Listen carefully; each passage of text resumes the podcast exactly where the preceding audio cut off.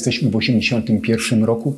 To jest okres tak zwanego karnawału, tak to się nazywał, czyli tak zwanej pierwszej Solidarności. Solidarność w 80 roku zwyciężyła, ale jeszcze nie mieliśmy stanu wojennego. To jest okres pierwszej Solidarności. I targ koński w Skaryszewie.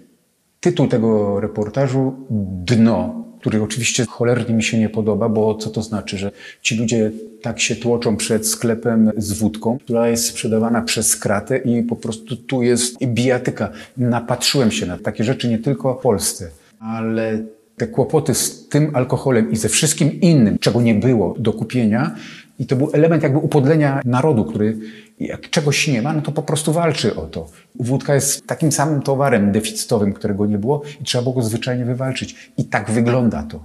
To nie są biedni ludzie. Ci ludzie przyjechali na targ koński, więc nie są nędzarzami.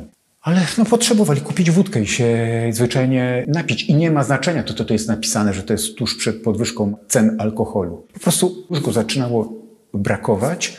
Był towarem deficytowym i dlatego ludzie zwyczajnie o niego walczyli. Lada moment wódka zaczynała być przecież na kartki, były kartki na wódkę. Tutaj sprzedawana jest przez kratę wódka żytnia, bardzo popularna, typowa, taka polska, czysta wódka.